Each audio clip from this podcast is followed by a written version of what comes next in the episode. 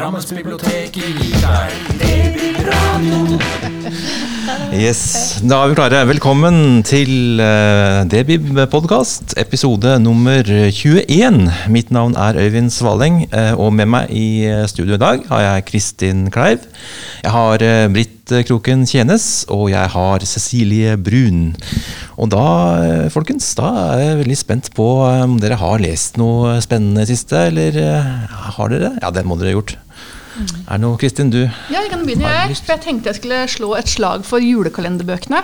For noen av oss kan jo nesten ikke vente til det blir advent. Ja, Det begynner å nærme seg nå. altså Det går fort nå. Det gjør jo det. Eh, og der er jo kalenderbøkene, sånn at de skal jo leses fra 1.12.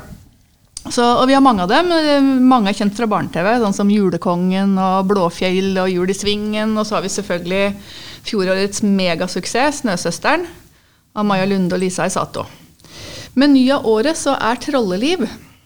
Eh, og hvis det høres kjent ut, så er jo Trolleliv en serie på sju bind eller sånt nå, av eh, Sissel Bø og Peter Madsen. Og Peter Madsen det er mannen bak eh, Valhall-tegneserien. Eh, men nå har uavhengig av de andre syv bøkene i serien, så har de lagd en julekalenderbok, men som foregår i samme universet. Og det er ett kapittel for hver dag fra 30. november til 25. Og da er det sånn at Menneskene på gården de tror ikke lenger på Nissenikk, husnissen, som har bodd der i uminnelige tider. Og nå så skal de selge det siste dyret som er igjen på gården. De skal rive låven og hogge tuntre. Alt det som gjør eh, gården til et hjem for husnissen. Og han setter seg ut i skogen for å dø. Og det er der trollbarna Paiko og Paja finner han. Og de påtar seg da oppgaven med å få menneskene til å tro på husnissen igjen. Eh, og Sofie, som er jente på gården, hun trenger du ikke å overtale. Hun veit at husnissen fins. Men faren, og spesielt mora, er det verre med. Og nissen Nick han legger et dikt i julekalenderen til Sofie hver morgen. Både med oppmuntringer og formaninger til hva hun bør gjøre for å holde nissen glad. For hvis ikke han er fornøyd, så kan de kan forbanne gården. Altså det skjer mye rart der også. Og så skjønner vi snart at faren han er åpen for at det finnes en husnisse på gården. For hvem ellers er det som slipper hesten inn på kjøkkenet, eller får de til å snø inne når det ikke er snø noen andre steder rundt omkring? Eller skal få kjempemasse dyr inn til gården da de får plutselig geit og gris og alt mulig rart. Og for meg som elsker den gammeldagse jula og mimrer tilbake til besteforeldrene mine sin gård, så er det her en perfekt ramme da, rundt et førjulseventyr. Og det er spennende, og det er morsomt, og så er det selvfølgelig sånn at uh, det er barna som er de smarte, og voksne som er de dumme. Mm. Sånn skal det være. Ja, sånn skal det være. ja.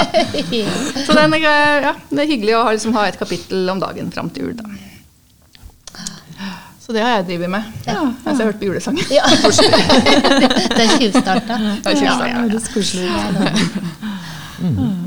Ja, eh, Britt, har du eh, noe spennende på gang? Ja, jeg, altså, nå ble jeg litt i tvil hva jeg skal ta, for dette var kjempekoselig. Og jeg har lest to bøker som ikke er veldig kjempekoselige. Men, eh, men jeg tar den ene av de. Jeg kan avsløre at jeg ikke har lest noe koselig, jeg heller. Så, ja. Bra vi begynte med Kristin, da. Ja. Det var veldig bra, Kristin, at du satte lista, og så bare drar jeg det liksom ned. Dette, det gjør jeg egentlig ikke, for dette er en fantastisk bok som jeg har oppdaga nå, Jasmine Ward, 'Det som reddes kan'. Og det er Og jeg tenkte litt på Cormac, Mac, Cormac McCarthy. Han skriver helt usedvanlig eh, ja, Han skriver helt usedvanlig, og det er så grusomt og rått, og så er det vakkert samtidig, liksom. Og det gjør hun her. Og Jeg trodde først det var en mann, ja. men det er det ikke. Det er en um, dame, ung dame født i 77, så da vil jeg si hun er veldig ung. Og hun har da skrevet egentlig bakgrunnen i sitt eget liv. Hun er vokst opp i Mississippi, og der som svart. Eh, så bodde hun da i den fattige delen. Og så Mora hennes var hushjelp i, um, hos de hvite. Og Det er ikke så mange år siden, og noe av dette her henger nok igjen. Og hun skriver nå en historie om de som bor på samme sted som hun vokste opp. De kaller det for Gropa. Og det er en uh, familie hvor, hvor uh, det er fokus eh, på datteren Esh. Hun er 14 år. Og så det, har hun to brødre og en lillebror junior som de har måttet oppdra fordi moren døde når junior ble født. Og faren han er da alkoholisert. så er det sånn rå beskrivelse av hvordan de lever i dette fattigdommen. Og så oppdager Esh da at hun er gravid. Hun har, eh, har en av brorens venner som hun har like en del med. Og hun har vært veldig betatt av han og gjør som han sier. Og nå, når hun er gravid og han oppdager det, så avviser han det på henne på det groveste. Så her er hun, og så kommer orkanen av Katrina. Dette er akkurat da den, eh, den orkanen kommer. Og så er det hvordan de skal klare å samle forråd nok til eh, å overleve dette her. Og klare å tette alle dører og vinduer. Alt er jo ganske fattigslig og dårlig fra før. Og så blir det voldsomt, den orkanen, når den kommer. For det er nesten så de ikke overlever. Da. Så dette her er en helt utrolig bok. Og så skriver jeg på den måten at det er sånne bilder og beskrivelser som er nesten litt annerledes enn noe jeg har lest noen gang før. Og denne her må jeg bare si. Bare les den. Den er rå og trist og vond, men den er også utrolig flott. Da. Det går jo an å samle alltid i en bolk. Yes. Jeg nesten mister pusten når jeg forteller om den. Ja, det var det. Litt sånn eh, malapropos, men, men eh, jeg har sett en TV-serie nylig som heter for The Act. Som ikke har så veldig mye med handlingene i den, den boken du snakker om nå. Men, men eh, jeg tenker på det her med, med Katrina, den orkanen. orkanen. -hmm. Den TV-serien handler jo om eh, en mor som har en sånn eh, Munchhausen hva er proxy, eller noe sånt. Sånn, eh, hun påfører sykdom til datteren på en måte, og oppdrar henne på en måte som er veldig sånn eh, destruktiv. Og sier at hun er syk, og, og gir henne masse piller. Og sånn. Og noe av grunnen til at moren kunne holde på sånn så lenge, eh, som, eh, for det er en TV-serie fra virkeligheten, det er jo eh, det var jo at uh, veldig mye sånn uh, medisinske journaler og sånn ble borte i stormen i, i Katarina. Ja, ikke sant. Så det er, det er interessant å se hvordan en sånn katastrofe kan føre til store eh, ja, konsekvenser da, på veldig mange forskjellige Ja. områder. Ja, ja, ja. Så det var, ja, det var, ikke så, det var litt malapropos, men det var Jo, det men kom det på er jo om det. Og at verden blir kasta på hodet. Alt blir jo forandra Ja. i en sånn katastrofe som det her. For, eh, Skal vi videre på det? For det er jo en ungdomsbok jeg ikke leste for så fryktelig lenge siden. Også der mora påstår at dattera er sjuk. Ja. For, eh, Ja. verden er en boble. Ja, Eh, og der Kanskje vi skal lese oss opp på sånn. Münchhausen von Proxy, eller hva det er. Ja. Bøker. har ja. Det ja, det kan vi ta. Det kan bli interessant. interessant. Cecilie, du har ikke snakka så mye i dag. nei, men du, jeg ser du har en bok liggende. Ja, jeg har en tjukk, svær bok av en islending. Som jeg har blitt litt begeistra for. Jon Kalman Stefansson. Eh, Historien om Asta. Han er jo forfatteren av den trilogien om broren som, eh, som mange kjenner til. Og, og 'Sommerlys', som vel kom i fjor. Som, eh, som jeg ble veldig glad i. Så jeg òg. Ja. dette her, eh, ja, Du snakker om heftige bøker om liv og sådant, og det er absolutt det. Her er det mye liv. Det er lykke, og det er ulykke.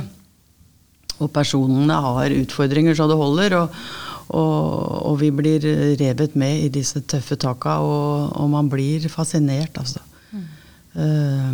Og vi får, den er veldig sånn spesielt sammensatt. Den, uh, vi får flere historier parallelt fra ulike tider og steder, og om disse forskjellige personene, da. Og Astas historie, hun som er hovedpersonen, får vi bl.a. gjennom fem brev som uh, forteller mye om hennes tanker. Hun ser tilbake på det som var, og dette er brev hun skriver i godt voksen alder uh, til en kjæreste som har forlatt henne.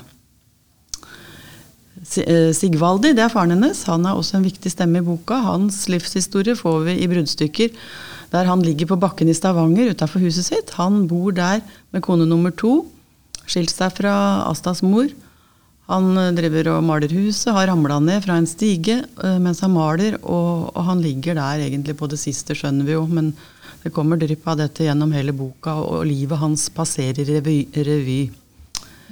Uh, veldig sterkt, og, og, og drøm blander seg med virkelighet, og det er jo kanskje tilfellet i, i vår erindring, uh, sier forfatteren liksom om, om fortiden, og personene, andre personer i boka også uh, kommer med denne funderingen om det vi husker. Er det drøm? Er det virkelighet? Og han tenker tilbake på, på unnfangelsen av Asta. Boka begynner på en måte med det. Ganske heftige saker oppå kjøkkenbordet. Uh, Så da er liksom Så vi blir del i, i litt av hvert. Asta hun ligner på mora si. Hun er en urolig sjel, og hun møter veldig mange utfordringer. Og hun vokser opp hos en fostermor etter hvert etter at foreldra blir skilt. Hun får problemer på skolen.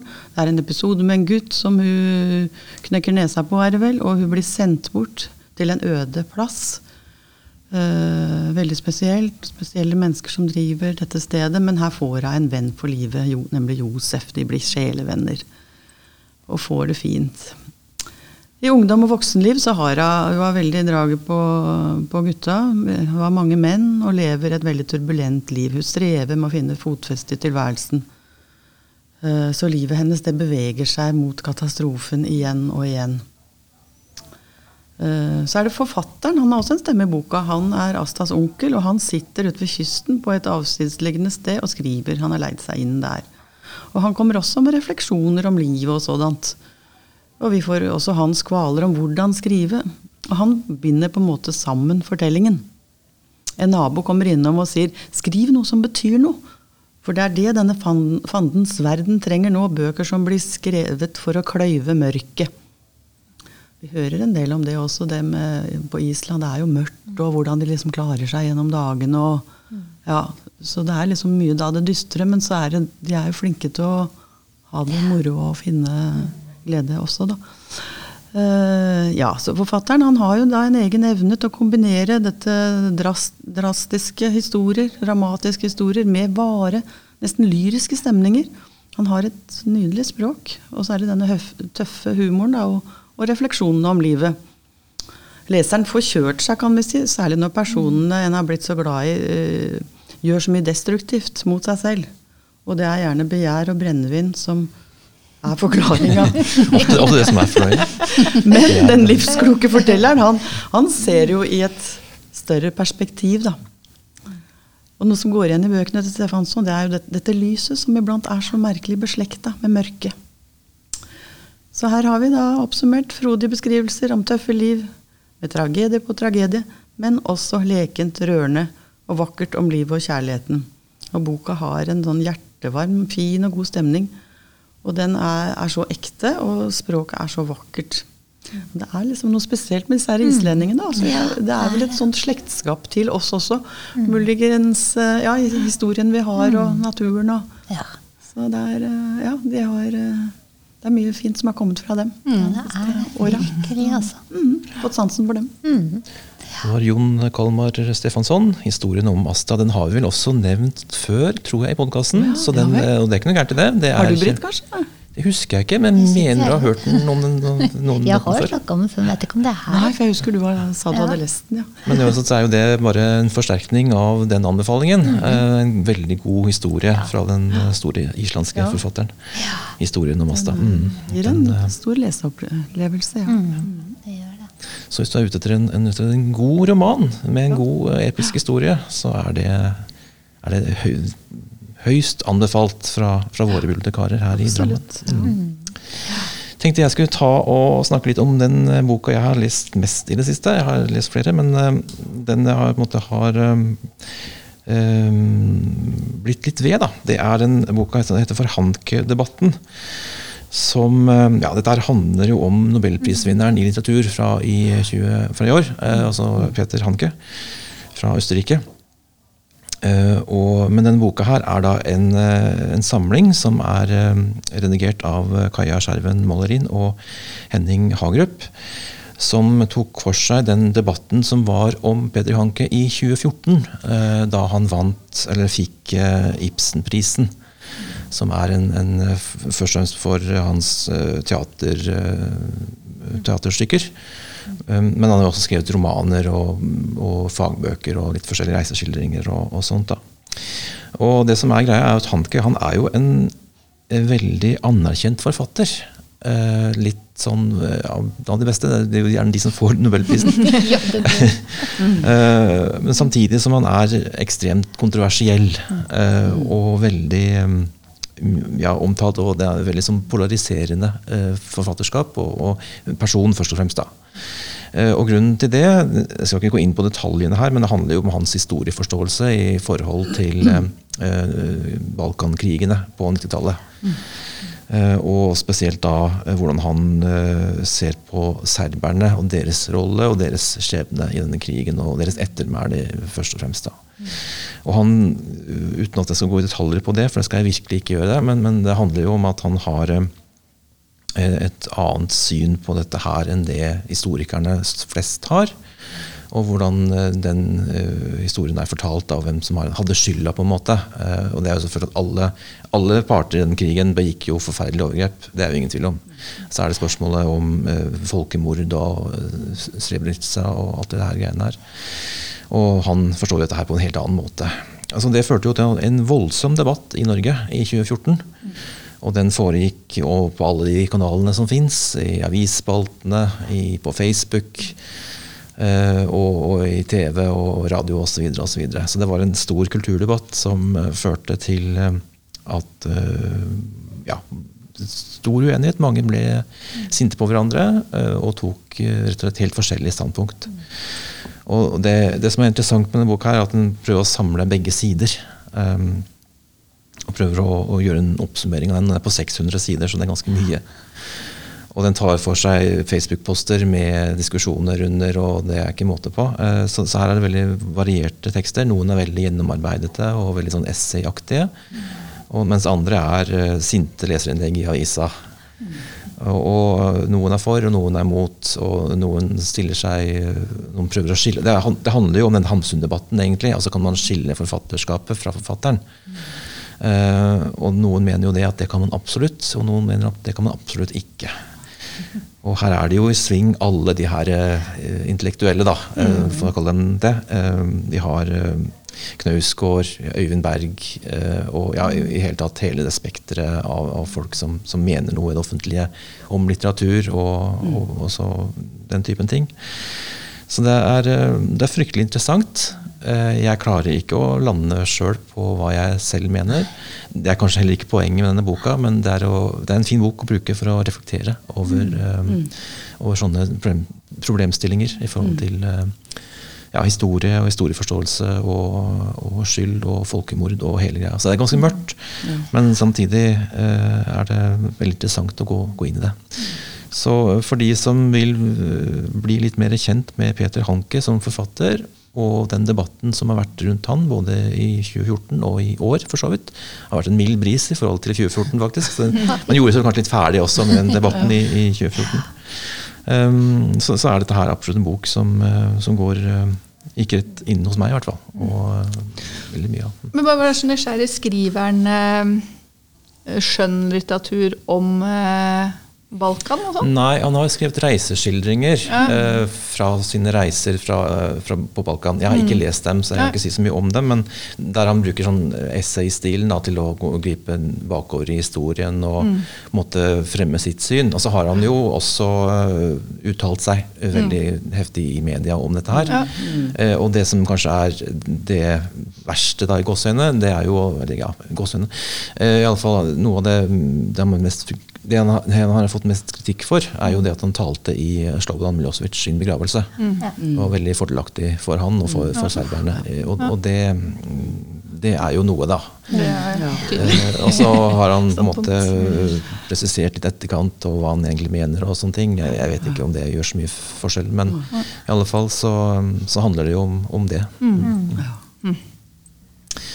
Så det. Det var litt uh, ned i dypet, inn i mørket. Men uh, kanskje vi skal avslutte er vi noe, avslutte med noe fint? Er det noe uh, forslag?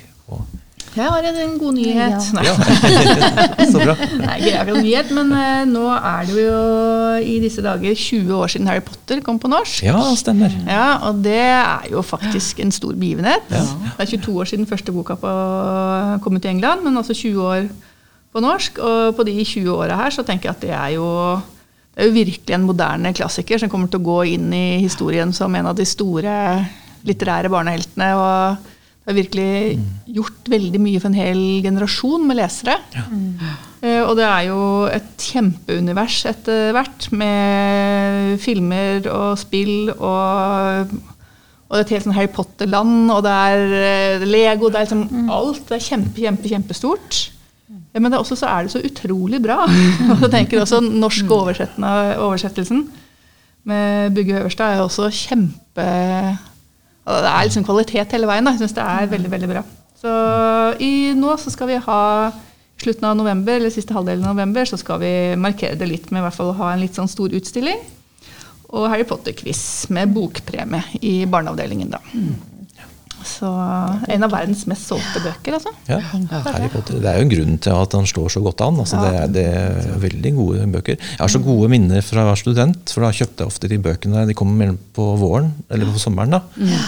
Så øh, leste jeg de her Det var liksom, ja, bok nummer fire, fem og seks og sånn. Da leste jeg da noe fast sånn sommerrituale. Og jeg leste Harry Potter. Det har jeg veldig, veldig gode minner fra. Veldig fattig, men, øh, men hadde, hadde heldigvis Harry Potter ved min side. Ja. Ja, det var veldig godt, altså. Ja, det er så bra.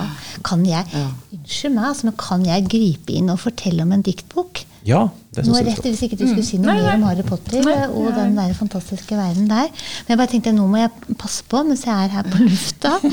For det er Christian Bergquist som jeg er veldig glad i. Han har kommet med mange diktsamlinger. Og nå oppdaga jeg at han har kommet med en diktsamling for ungdom. Og han har jo opplevd litt av hvert sånn angst og utaforskap, og han har skrevet seg på en måte gjennom alt det der. Og han gjør det på en sånn humoristisk, varm, god måte. Jeg bare tar er det lov? Ja, Ta kjør på. dikt av Christian Bergquist. Forsøker å tenke lyst. Nå har jeg spist opp alle bringebær og jordbær, og det er bare blåbær igjen. Sånn skulle jeg ønske at det her i livet var. Bare blåbær. Det var Kristian Bergquist. Bare blåbær. Og med det så tror jeg vi sier at eh, det var episode 21. Takk til Britt og Kristin og Cecilie. Mitt navn er Øyvind, og vi ses igjen om 14 dager. Eh, I mellomtiden så kommer jeg til å publisere litt eh, opptak fra diverse arrangementer. Så det er bare å følge med på Spotify eller på Soundcloud. Eh, Ansvarlig direktør har vært eh, Monica Nyhus. Da takker vi for oss, og så sier vi ha det bra! Ha det bra!